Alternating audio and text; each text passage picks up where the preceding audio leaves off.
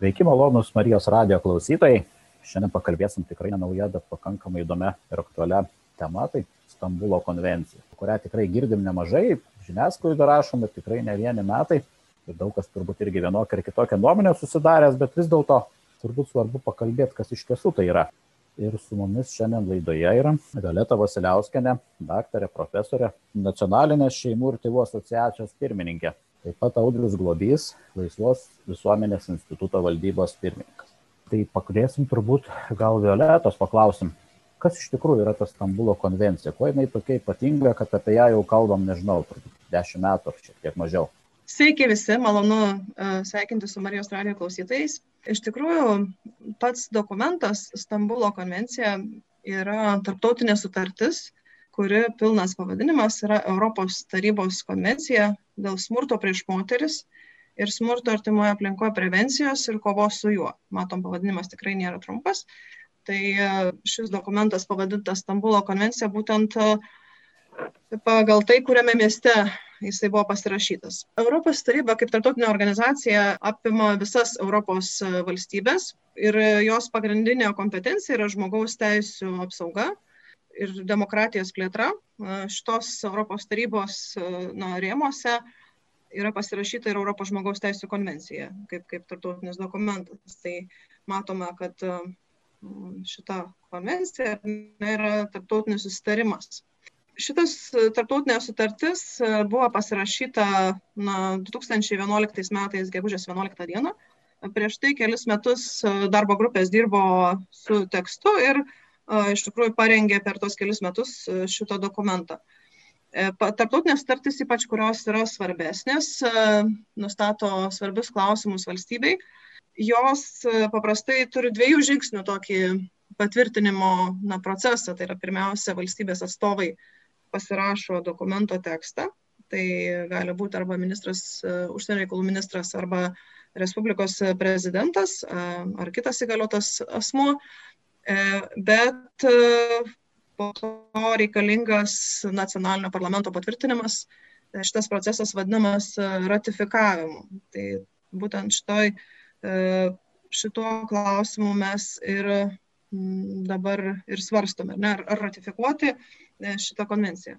Konvencija yra e, įpareigojantis dokumentas, jeigu mes atliksim visus veiksmus, šita sutartis ir visos jos nuostatos mums bus privalomos pagal Konstitucinio teismo išaiškinimą 95 metų ir pagal mūsų tarptautinių sutarčių įstatymą konvencijos nuostatos bus aukštesnės už mūsų visus nacionalinius įstatymus. Tai dėl to galim pasakyti, kad e, šitas ratifikavimo veiksmas jisai yra svarbus, nes visą tą, kas parašyta konvencijoje, mes turėsim įgyvendinti. Lietuva konvenciją pasirašė 2013 metais, tačiau kol kas jos nėra ratifikavusi ir tai kol kas ši konvencija mums formaliai nėra galiojanti. Tu būtų trumpai vat, apie tą kontekstą, kas tai yra formaliai žiūrint, koks tai yra dokumentas ir na, tiesiog kaip, kaip jį suprasti. Dėkui, Violeta, gal tada paklausiu, gal abiejų pašnekovų, o kas joje iš esmės blogai yra, kad nu, kažkokia yra kova su smurtu, dar kas liktai visai tokias gražus tikslai yra, kodėl prieš ją dabar reikia čia kažkaip kovoti ir pasakyti prieš, gal ten viskas gerai. Mėly Marijos radijo klausytojai, gera dalyvauti, tikrai labai svarbus klausimas ir tas klausimas e, yra tik labai aktuolus jau ilgą laiką. Galiu pasakyt kad laisvos visuomenės institutas turbūt nuo savo įkūrimo pradžios nuo pat pradžių įkūrimo pradžios susiduria su šito klausimo aktualumu prasidedant naujo seimo po pat jo išrinkimo ir ir pradžios veiklos pradžios jis tampa aktualus nes kiekvieno seimo pradžioj atsira atsi tam tikri iniciatoriai pradeda inicijuot šitos Stambulo konvencijos ratifikavimo procesą. Tas pats procesas buvo berods 2017 metais iš tikrųjų irgi buvo labai daug iniciatyvų, kad ta konvencija būtų ratifikuota, bet praeito Seimo kadencijoje jinai nebuvo ratifikuota ir nebuvo ratifikuota dėl, galima sakyti, vienos pagrindinės priežasties, tai yra su abejojimu to, kad tikrai visa tai, kas yra viešai deklaruojama ir pačioje preambulėje tos konvencijos, yra visa tai tiesa Sakykime. Ir, ir ta pagrindinė abejonė galbūt yra dėl to, kad konvencija savyje neša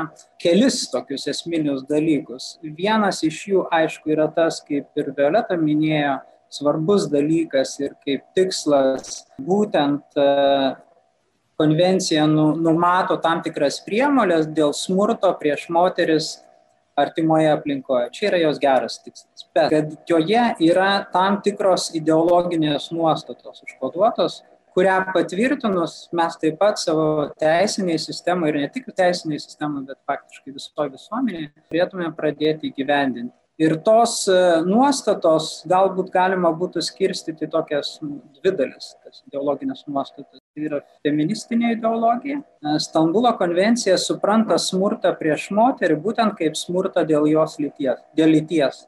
Tai labai svarbus yra. Konvencija remia mokslinę nuostatą kad prieš moterį artimoje aplinkoje yra išskirtinai smurtaujama dėl jos lyties. Tai yra todėl, kad ji yra moteriškos lyties. Ir kad smurtas yra visada iš vyrų pusės prieš moteris. Kaip žinome, e, realybėje, gyvenime ir iš e, smurto priežastis gali būti labai įvairios. Ir socialinių įgūdžių neturėjimas, ir psichologinės problemos, alkoholis, narkotikai, Bet konvencija savyje neša pagrindinę nuostatą, kad artimoje aplinkoje yra smurtaujama išskirtinai dėl to, kad jinai yra moteris, nevertindama visų kitų objektyvių priežasčių. Ir tai yra ideologija. Antras e, ideologinis momentas konvencijoje, kuris taip pat yra svarbus, tai būtent socialinės lyties įnešimas į teisinę sistemą, tai translytiškumo E, gender ideologijos irgi dabar labai garsiai daug kalbama apie ją. Tai yra konvencijos ketvirto straipsnio trečia dalis numato nediskriminaciją be kitų nuostatų ir nediskriminaciją dėl socialinės lyties, lytinės orientacijos, lyties raiškos ir lytinės tapatybės. Šie terminai yra labai platus. Šis nediskriminavimas, jeigu taip trumpai, reiškia ir tai, kad mes privalėsime pripažinti ne tik kito asmens biologinę lytį, bet ir tokią lytį, kurią jis pasirinko. Tai yra translytiškumo ideologijos pamatinė prielaida. Atskirianti asmens lytinę tapatybę, nuo jo atsiranda begalė lytinių tapatybių. Vokietijoje, pavyzdžiui, kiek aš žinau, seko stebėti vieną pranešimą parlamente, kur jau tikrai tam tikro humoro forma, vienas Bundestago narys kreipėsi žmonės, išvardindamas berot 70 lyčių, o kai kuriuose šalyse jų yra ir dar daugiau. Tai va šitos dvi ideologinės nuostatos, kurios yra užkoduotos konvencijos Stambulo, e, mums kelia labai didelį nerimą, nes jos realiai darytų labai stiprią mūsų visuomenės transformaciją. Tai yra tam tikros pasaulyje žiūros įnešimas į valstybę. Su jos ratifikavimu mes faktiškai transformuotume visuomenę, būtume, privalėtume transformuoti visuomenę, keisti savo įstatymus. Ir tai yra labai pavojinga. Čia yra tiesiog visuomenės keitimas. Ir klausimas yra toks, ar iš tikrųjų mūsų visuomenė to nori.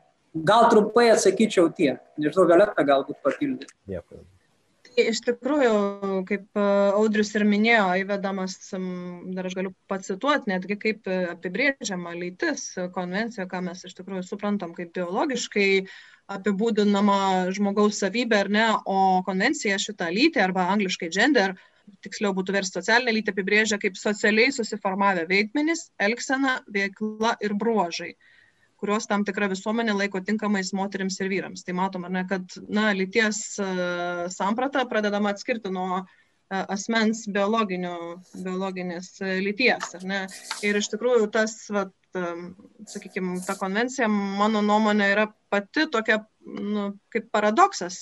Iš tikrųjų, viena vertus bando ginti moterų teisės, kita vertus jis sako, kad lytis yra nusprendžiama pagal žmogaus vidinę jauseną.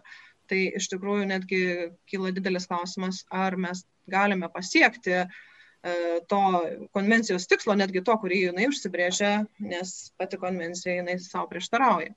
E, kitas galbūt aspektas, kur galim rasti ideologinį šitą pradą, tai yra tai, kad konvencija e, siekia panaikinti na, tokius kultūrinius ir paprotinius dalykus, kurie yra susiję, kaip jie nusako, su stereotipiniais moterų ir vyrų vaidmenimis, ar ne, kad šalis turi imtis priemonių, kuriais būtų skatinama socialinių ir kultūrinių moterų ir vyro elgsenos modelių pokyčiai, siekiant panaikinti prieturus, papročius, tradicijas ir visą kitą praktiką, kuri susijusi su stereotipiniais moterų ir vyrų vaidmenimis. Tai savaime lyg ir prezimuojama, kad tai, kas yra susiklostę visuomenėje, yra negerai ir, ne, ir reikia tuos vaidmenis keisti, nors šitam nuostatoje neaišku, kur mes lėjom, kur link juos keisime, kaip mes juos keisime ir kaip turėsim pakeisti savo kultūrą, kad atitiktų konvencijos nuostatas. Tai iš tikrųjų tas e, yra irgi grėsmė, ar ne? Ta vėlgi siekis įtvirtinti tą gender ideologija ar ne pasireiškia per švietimo programas. Taip pat konvencijoje yra numatoma, kad valstybės turės įtvirtinti savo švietimo programuose e, nuostatas apie lyties tapatybę, apie lytį kaip socialinį e, konstruktą, kas reikštų iš tikrųjų na, didžiulį pokytį tame, kaip mes suprantame pasaulį. Ir tas jau nepriklausytų nuo tėvų noro ar nenoro, kad jų vaikams būtų apie tai pasakojama, bet e, jau būtų kaip privaloma medžiaga mokyklose. Tas reikštų, kad na, tėvai nebegali užtikrinti vaikų auklėjimo pagal savo įsitikinimus. Tai reiškia, na, jau bandoma per pačius mažiausius mūsų visuomenės narius tą ideologiją jau na, stumti ir juos iš esmės indoktrinuoti. Jeigu žvelgsim toliau, pačioj konvencijoje tiesiogiai mes nematom, bet gender ideologija kaip tokia advokatauja už tokius dalykus kaip belytė kalba, kur, sakykime, New York'e mes jau girdim, kad negalima sakyti mama ir tėtis, vyras ir moteris, sakome žmogus, sakome vaikas, bet ne berniukas ar mergaitė. Netgi maitinimas, pavyzdžiui, kūdikiu vyksta ne mamos pienu, o e, krūtinės, net ne krūties, o krūtinės pienu. Ta prasme, matom iš tikrųjų, kiek paskui toliau ta ideologija labai toli siekia. Tai va, ir dar turbūt vienas iš jautriausių dalykų, galbūt ką galėtų toliau įgyvendinant gender ideologiją na, kokios pasiekmes, tai yra ypač lyties keitimo operacijos, e, kurios tikrai galėtų netgi būti prieinamos vaikams. Tai čia toks scenarius jau yra realus e, kitose pasaulio valstybėse. Tai čia tiesiog tokie tiesioginiai pavojai ir pavojai, kurie būtų susiję su, su, su, su šitos ideologijos skverbimus į mūsų e, Lietuvą. Dėkui, Violeta. Aš kažkaip pat klausant, man tai atrodo, kaip paprastas žmogaus protų, tai gal užtektų tos konvencijos, teko ją matyti, ant biuros kažkur du puslapiai ir su truputį, ir ten kliūna nu keletą formuluočių, gal tos sakinius kažkaip išimti ir juos performuluoti, kad mums tiktų, bet, nu, palikti tą didžiasnį ir kaip, kaip ir šiuo atbilgiu būtume ratifikuotume, bet ir neturėtume tos žalos, ar toks kelias įmanomas. Na, iš tikrųjų, šitoje konvencijoje išlygos tai yra valstybių pareiškimai, kad jos nori netaikyti tam tikrų nuostatų, ar ne? E, tačiau konvencija e, numato konkrečiai tik kelis straipsnius, e, dėl kurių galima daryti išlygas ir juos nepatenka nei straipsnis dėl socialinės lyties, nei straipsniai dėl švietimo, nei kiti mums, mūsų čia minėti straipsniai.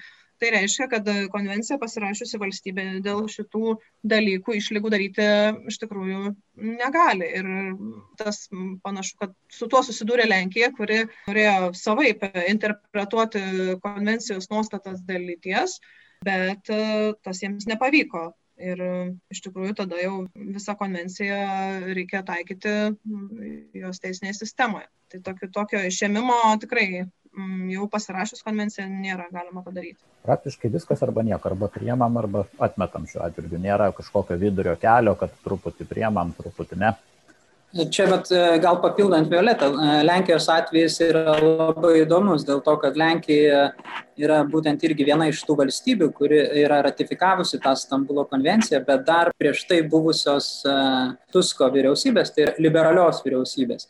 Ir jų visuomeniai pateikta žinia buvo būtent tokia, kad mes patvirtinam Stambulo konvenciją, bet kadangi tam tikros nuostatos prieštarauja mūsų valstybės įstatymams ir konstitucijai, ta prasme, jos mums negalios. Praktikoje tai buvo netiesa ir tai buvo tiesiog, nu, kaip galima sakyti, tam tikra apgaulė įvykus. Ir dabartinė e, Lenkijos valdžia susiduria su ta problema, kad taip, jie turi tą konvenciją, jinai yra ratifikuota, bet tiesiog yra tam tikra politinė valia jos nuostatas stabdyti ir neįmumas Lenkija galbūt gali sau leisti tokį kaip sakyti, malonumą ar ne, Lietuva vargu ar galėtų leisti ir priešintis, nes dar kitas svarbus yra toks momentas, kad įsijungia tam tikras totalitarinis mechanizmas, priežiūros mechanizmas. Ta prasme, tos konvencijos įgyvendinimui, ar ne, yra tam specialus organas, kuris prižiūri jos įgyvendinimą ir realiai tai yra labai rimtas spaudimas valstybei,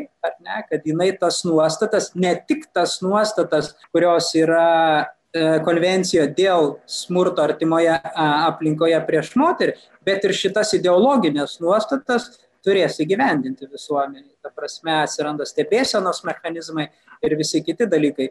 Tai mums kaip Lietuvai būtų labai sudėtinga atsilaikyti prieš, prieš tą spaudimą. Ir dažnai klausia, nu bet kaip taip gali būti iš, iš ES, čia vat, irgi teko vienoje diskusijoje ir dalyvauti, tai ką mes čia protingesni už kitas šalis ar ne, kad jos pasirašė, o mes Iš tiesų Lietuva nėra vienintelė, kuri nėra ratifikavusi, berods devynios valstybės, Violeta mane galbūt patikslins, devynios valstybės nėra ratifikavusios e, Lietuva tame tarpe šitos konvencijos, būtent dėl to, kad susigaudė su jos turiniu, nes šitie dalykai, ideologiniai dalykai, jie yra labai subtiliai užmaskuoti pačioj konvencijoje ne, ir vyksta diskusijos ir ne viena šalis e, pasimovė ir ant to, kad e, suvertimo, sakykime, buvo žaidžiama ir suvertimo, nu yra tam tikras klastos elementas, iš tikrųjų daug, daugelį šalių ir diskutuojant su kitų šalių, kurios jau praėjo šitą procesą, nu, tai, tai suvokiamas kaip tam tikras trojos arklys, atrodo įsileidi gerą dalyką, atrodo viskas gražiai, gražiai pakuota, o paskui pasirodo ten viduje yra dalykai, kurie, kurie gali turėti labai labai neįgiamą poveikį visuomenį. Ir yra labai svarbu, labai svarbu iš tikrųjų, kad demokratinėje valstybėje mes suvoktume tai, ką mes pasirašom, ką mes priimam. Jeigu didžioji dauguma visuomenės priima sprendimą, kad tai yra gėris, keičiam visuomenę to keliu, kad pas mus atsiranda socialinė lytis, atskiriama asmens lytinė tapatybė nuo jo biologinės tapatybės, atsiranda transgenderizmas ir tai yra visuomenės apsisprendimas, mes norime eiti vat tokiu keliu, tai būtų suprantam. Bet kadangi tos konvencijos ir tos ideologijos stumėjai labai aiškiai supranta, kad jeigu dalykus įvardinsi labai aiškiai, visuomenės juos atmes tik tai vat tokiu paslėptu būdu ar ne užslėptu būdu gali juos veikt. Mes esam išgyvenę sovietinę okupaciją. Mum tai kaip pasakyt jaučiam tą kvapą ar ne? Stalino saulė nepasirodo kaip saulė. Jinai kartais yra labai šalta žiema kurią reikia išgyventi ir iš tikrųjų ištvert. Tai šitie dalykai yra labai panašūs. Ir ir tikrai teko girdėti tokių tai kaip taip gali būt čia iš europos sąjungos tai tiesiog noriu primint kad nu vyksta ideologijų tam tikra kova ar ne tam tikras stūmimas prisiminkim marksizmą ar ne be kita ko ir feminizmas ir ir dženderizmas yra iš to paties ideologinio pagrindo išaugęs. Marksizmas neatsirado iš kinijos marksizmas neatsirado net iš rusijos marksizmas atsirado iš tų pačių europos šalių kurios kai susidūrė devyniolikto amžiaus pabaigoj dvidešimto amžiaus pradžioj su tom pasekmėm išsivalė nuo to Deja, mūsų regionas, ar ne, Rusija, mes papuolė į, to, į tą įtaką, pajutėm labai skaudžias to pasiekmes. Bent jau, sakykime, man atrodo ir ne tik man atrodo, kad vyksta labai panašus procesas. Ne? Ir tas atsipeikėjimas vat, nuo šito genderizmo ar ne, vat, nuo tų ideologijų, kurios jis vyksta ir ES, ir ne tik ES. Bet kai tie procesai giliai įeina į valstybės e, gyvenimą, į kultūrą, į švietimą, išėjimas nėra toks paprastas. Tai žinot, čia vat, man ateina į galvą toks palyginimas, kai gerai užgeri iš vakaro, ryte pagirios būna sunkios. Tai vat, yra labai svarbu nepadauginti. Tai mes Lietuva esam kažkiek tai laiminga šalis, kad dar nepadauginom, dar turim galimybę, kaip sako, turėti lengvesnės pagirias. Tai, tai tiesiog turim būti budrus. Ir, ir tie procesai vyksta. Tikrai tenka bendrauti laisvos visuomenės institutui nemažai ir su kitų šalių, ir su Vokietijos, ir su Prancūzijos, ir su Italijos, ir tos pačios Lenkijos teisininkais, aktyvistais.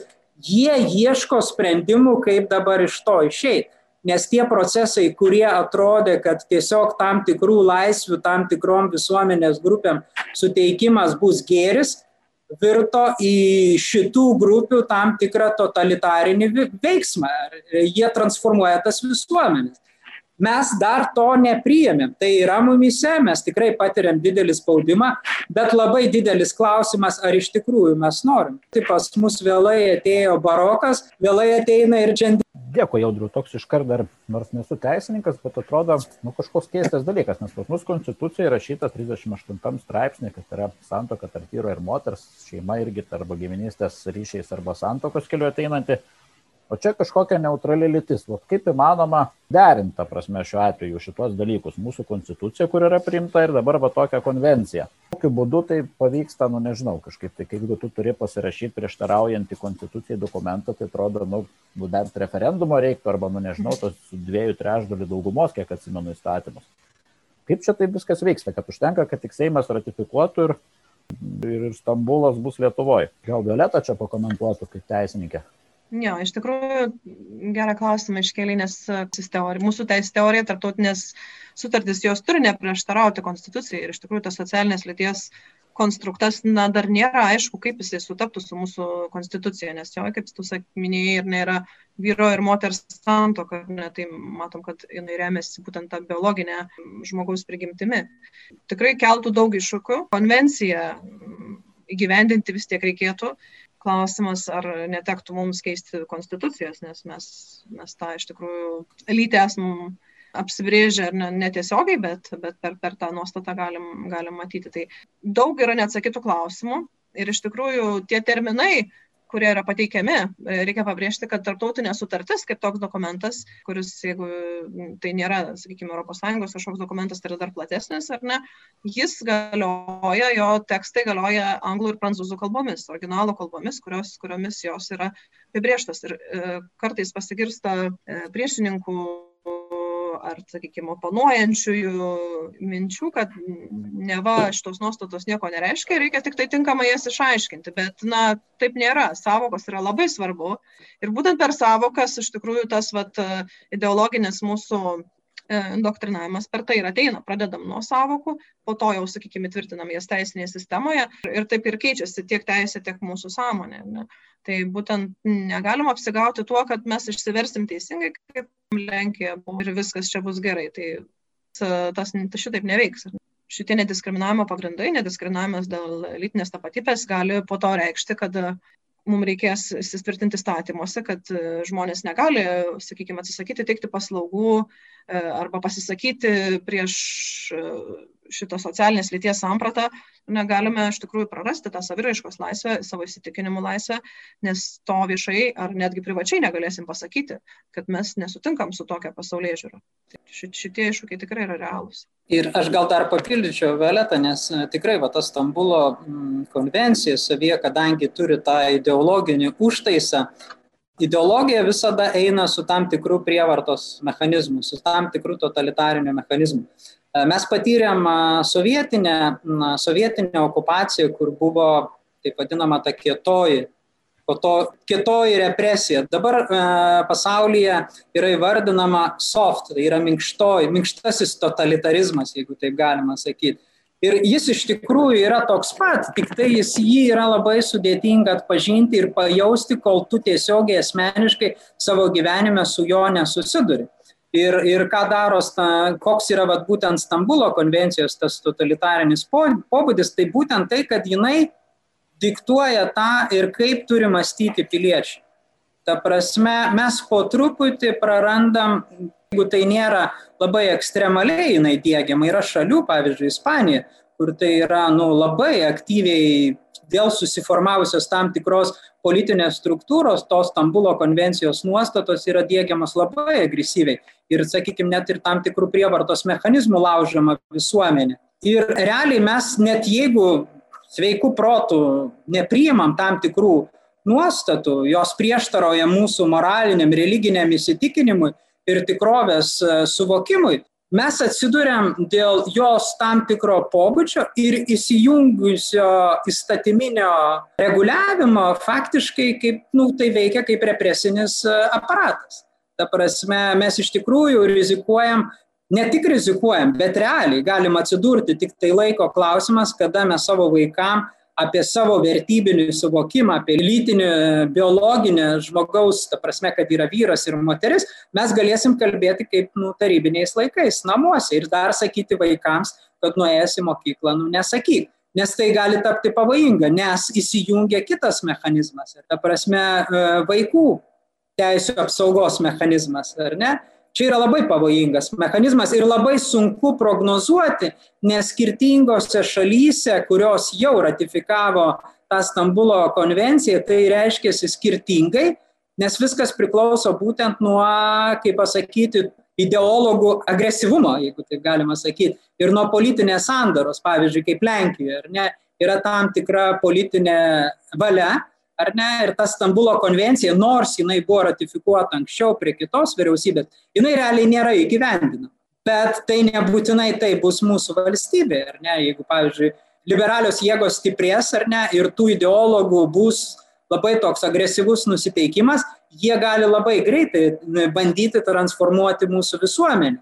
Nes yra dar vienas toks, mano galva, labai svarbus momentas Stambulo konvencijoje užkoduotas, kuriame yra siekiama e, jos įgyvendinimą vietoje iš esmės perkelti nuo valstybės ant nevyriausybinio organizacijų pečių. Ką tai reiškia? Ir tada mes, nu, matydami visą tą kontekstą, matydami, kaip aktyviai ta Stambulo konvencija yra lobinama ir stumama, galim suprasti, ar ne? Nes su kiekvienu proceso įgyvendinimu ateina ir tam tikras finansavimas ir tas finansavimas gali būti ir iš ES, bet beveik nebejotinai bus reikalinga numatyti konvencijos įgyvendinimui ir tam tikras lėšas iš vietinio biudžeto, ta prasme iš Lietuvos biudžeto. Ką tai reiškia? Tai reiškia, kad nu, biudžetas nėra guminis. Jeigu bus paimami pinigai tam tikros konvencijos įgyvendinimui, esant labai stipriam priežiūros mechanizmui, mes tos pinigus iš kažkur tai turėsim paimti. Ir vietoj to, kad paimti tam tikras lėšas nukreipti stiprinimui šeimos, sprendimui realių problemų, ieškant kelių, kaip, kaip spręsti problemas smurto artimoje aplinkoje, ne socialinis ūkdymas. Realiai, jeigu nori spręsti ne per lyčių konfliktą reikėtų spręsti, bet reikėtų iš tikrųjų sugrįžti prie darybių ūkdymo, prie darybinio ūkdymo tos jaunosios kartos, būtent stiprinimą pačio žmogaus samoningumo, ar ne? Tai šitoj vietoj mes realiai atsidursim tokioj padėti, kad mes neturėsim lėšų. Mes iš savo pačių pinigų patys finansuosim ideologinių nuostatų dėgymą mūsų visuomenė ir visuomenės transformaciją. Mes tapsim šito proceso bendrinį. Ačiū, Audriu, dar jeigu taip pat atsitraukiam, sakykime, na, vis dėlto gal, gal ta konvencija labai tikrai padeda kovoti su smurtu ir galbūt tas gėris kovos su smurtu kažkiek gali atsverti blogį, kurį neša per kitus dalykus. Tai gal paklausčiau Violetos tada jau kaip, kaip nacionalinės tėvų ir vaikų asociacijos vadovės, kaip, kaip čia yra, ar mes, to, mūsų dabartiniai įstatymai kovos su smurtu, kiek žinau, tikrai tokių yra, ar jie na, nepaėgia kažkaip susitvarkyti su šitą problemą ir reikia tokios va konvencijos, kuri na nežinau, stebuklingų būdų išspręstų smurto problemą. Čia šitoje vietoje gal yra kažkokia užsienio patirtis, kad, sakykime, priemė tą konvenciją 11 metais, jeigu paskelbta, gal yra kažkokių gerų rezultatų pasiekusios valstybės? Na, iš tikrųjų, gerą klausimą iškėlė, nes mes turim savo uh, sistemą teisės aktų, ne, kurie kovoja su smurto artimoje aplinkoje. Ne, pirmiausia, paminėtumėm Lietuvos Respublikos apsaugos nuo smurto artimoje aplinkoje įstatymą ir kitus teisės aktus, ar ne, turime sistemą nevyriausybinio organizacijų, kurios ir, ir tybinių priemonių, kurios padeda kovoti su smurto artimo aplinkoje. Iš tikrųjų, niekas nestrukdo perimti gerųjų Stambulo konvencijos nuostatų, net ir neratifikavus konvencijos. E, ir buvo parengtos iš tikrųjų analizės, kur, kokiu nuostatų reikėtų, e, kad papildyti mūsų teisinę sistemą, kam nuostatom. Kitas dalykas yra, ne viskas veikia taip, kaip turėtų veikti. Pirmiausia, reikėtų stiprinti savo vidinius gebėjimus kovoti su smurtu ar ne įvairiomis e, veiksmingomis priemonėmis. Taigi nemanau, kad e, reikėtų nukesti tą ideologinį turinį, kad tam, kad galėtumėm tom gerą praktiką pasinaudoti. Iš tikrųjų, klausimų dėl, dėl to turinio tikrai kyla ir iš tikrųjų ta, tas turinys, jisai neaišku, kaip paveiktų mūsų, mūsų visuomenę. Dėl užsienio praktikos, iš tikrųjų prisimenu, vienoje iš pranešimų buvo, buvo pristatyta, kad e, Stambulo konvencija kartais veikia netgi atvirkštinė tvarka. Komitetas, apie kurį minėjom, Grevijo komitetas, kuris prižiūri konvencijos įgyvendinimą, pavyzdžiui, Austrijos atveju, kuri yra labai sėkminga prevencinių programų atžvilgiu, ar ne, daug, daug taiko įvairių socialinių priemonių, kad padėtų išeiti iš to smurto artimoje aplinkoje, tam keistų smurtautoje, padėtų aukai. Net ta sistema specialistų pripažįstama kaip, kaip efektyvi ir sėkminga. Grevijo komitetas tuo tarpu pabrėžė jiems ir priekaištavo už tai, kad per mažai taiko baudžiamųjų priemonių. Na, iš tikrųjų matom tą tendenciją, kad atskirti moterį nuo vyro, nubausti vyrą, ar tikrai to mums reikia. Ta pati, na, tikrai tokių tyrimų, kad stebuklingai mums čia viskas e, pasikeistų nuo to, kad mes primsim konvenciją, tikrai nesu mačius ir iš tikrųjų jo šalininkai turėtų galbūt patys bandyti pateikti tokius, tokius įrodymus, labai abejoju, ar jų yra. Pati konvencija, kaip minėjom, ne, yra paradoksiška tokia, ji kaip ir kovoja su smurtu, bet tikrųjų priežasčių jo neatskleidžia, ar ne. Klausimas, kaip jinai veiktų, ta prasme, mes, jinai nėra moksliškai pagrįsta, labiau ideologinė. Dėkui, manau, kad tas gerasias nuostatas mes galim perimti. Ir pačioj konvencijoje tikrai vat, yra tas net smurto tam tikras mechanizmas, ar ne, būtent įgyvendinant tos konvencijos nuostatas. Tai kova su smurtu, smurtu, kuria naują smurtą. Ne? Man teko matyti tam tikrus skaičius, tam tikrus skaičius, kurie buvo pateikti būtent šalyse, kurios įgyvendina Stambulo konvenciją. Tai, tai jie tikrai nėra tokie, kad e, tose šalyse, kurios aktyviai gyvendina Stambulo konvenciją, kad tenai mažėtų smurtas artimoje aplinkoje prieš moteris. Kad tenai yra labai aktyviai transformuojama vis ir keičiama visuomenė būtent dėl šitų ideologinių nuostatų. Tai taip, šitie rezultatai yra, bet pačio to tikslo, kurį savyje liktai neštų konvencija, tai tikrai labai abejotina. Ir čia, vat, sakykime, jau man kaip, kaip ir, ir kaip ekonomistui, ar ne, kyla klausimas tikrai, ar yra kas nors paskaičiavęs, kad, nu, vat, stumint šitą, šitą projektą, kaštų naudos. Ta prasme, kiek mes investuojam, transformuojam visuomenę ir kokią mes iš to gaunam naudą. Ir jeigu mes priemam vienus sprendimus, nu, normaliai turėtų būti nagrinėjamos ir alternatyvos, ta prasme, kurios yra Čia, nu, galima net pašaržuoti, prasme, aš tai siūlyčiau Lietuvos politikams imtis iniciatyvos Europos Sąjungoje ir, ir imtis iniciatyvos dėl Vilniaus konvencijų. Padarykim konvenciją, sutelkim visus protus, kuri neturėtų savyje to ideologinio užtaiso, bet paimtų visų šalių gerąją praktiką, sprendžiant smurto artimoje aplinkoje problemas ir pavadinkim tai Vilniaus konvencija. Ar tikrai mums reikia Stambulo, gal mes galim Vilniaus. Aišku, humoras, bet kodėl ne? Dėkui, Jaudriu. Ir tiesiog irgi, kiek bandžiau googlinti, nemačiau, kiek kainuotų jos įgyvendinimas kažkaip. Nu, man nepavyko rasti, nežinau, gal, gal tu audriu turi kokius skaičius, apie kokius pinigus eina kalba, kažkaip šitos temos niekaip nepavyko nei, nei lietuviškai, nei kitom kalbom rasti. Tikrai ne, tikrai ne, bet e, manau, kad finansavimas labai skiriasi nuo šalies ir nuo, to, nuo tų lobistų, ne, kurie sugebės prieiti prie to finansavimo, jeigu galima sakyti. Tai čia, nu, manau, manau, realiai būtų sudėtinga, man neteko matyti. Galbūt yra tie skaičiai, būtų tikrai labai įdomu pamatyti. Prasme, ir kaip, kaip yra paskaičiuota tų pinigų investicijų, ta prasme, kaštų naudos efektyvumas. Man neteko matyti. Tikrai domėjausi, ieškojau, bet nemačiau šį. Laidos laikas jau matau eina labai stipriai į pabaigą, tai tiesiog tokį vieną klausimą paklausysiu ir duodamas, kad dabar va, mūsų Marijos radio klausytoja paprasta, kuris nėra Seimo narys, kaip dabar žmogus ir aš sakyčiau norėčiau tikrai pasipriešinti tai konvencijai, kaip aš tą galėčiau padaryti. Kaip ir balsuos Seimas, čia kažkokio referendumo, kaip suprantu, neplanuojama. Kaip aš galiu įtakoti, kad jos neprimtų? Ką šitoje vietoje galėtumėt patarti? Gal galėtas? Nacionalinė šeimų tėvų asociacija rengė peticijos e, prieš Stambulo konvenciją projektą, kuris na, šita peticija bus artimiausių laikų paleista ir iš tikrųjų ir matysite ir socialiniuose tinkluose. E, tai norime parodyti, kad visuomenė nepritarė šitokiam socialiniam eksperimentui ir labai raginsim ir pačius pasirašyti, ir kitiem priminti. Kas turite gerą plunksną, siūlau pasidomėti plačiau ir parašyti socialiniuose tinkluose, vietiniai spaudoje, informuojant savo žmonės, ar ne, kurie galėtume tą daryti. Taip pat galima susisiekti ir su savo apygardo išrinktų Seimo nariu ir išreikšti jam, na, sakykime, tą savo poziciją, kad jisai žinotų, kad jo rinkėjai nepritarė tokiai konvencijai. Tai manyčiau, kad tokie pagrindiniai gal veikimo būdai.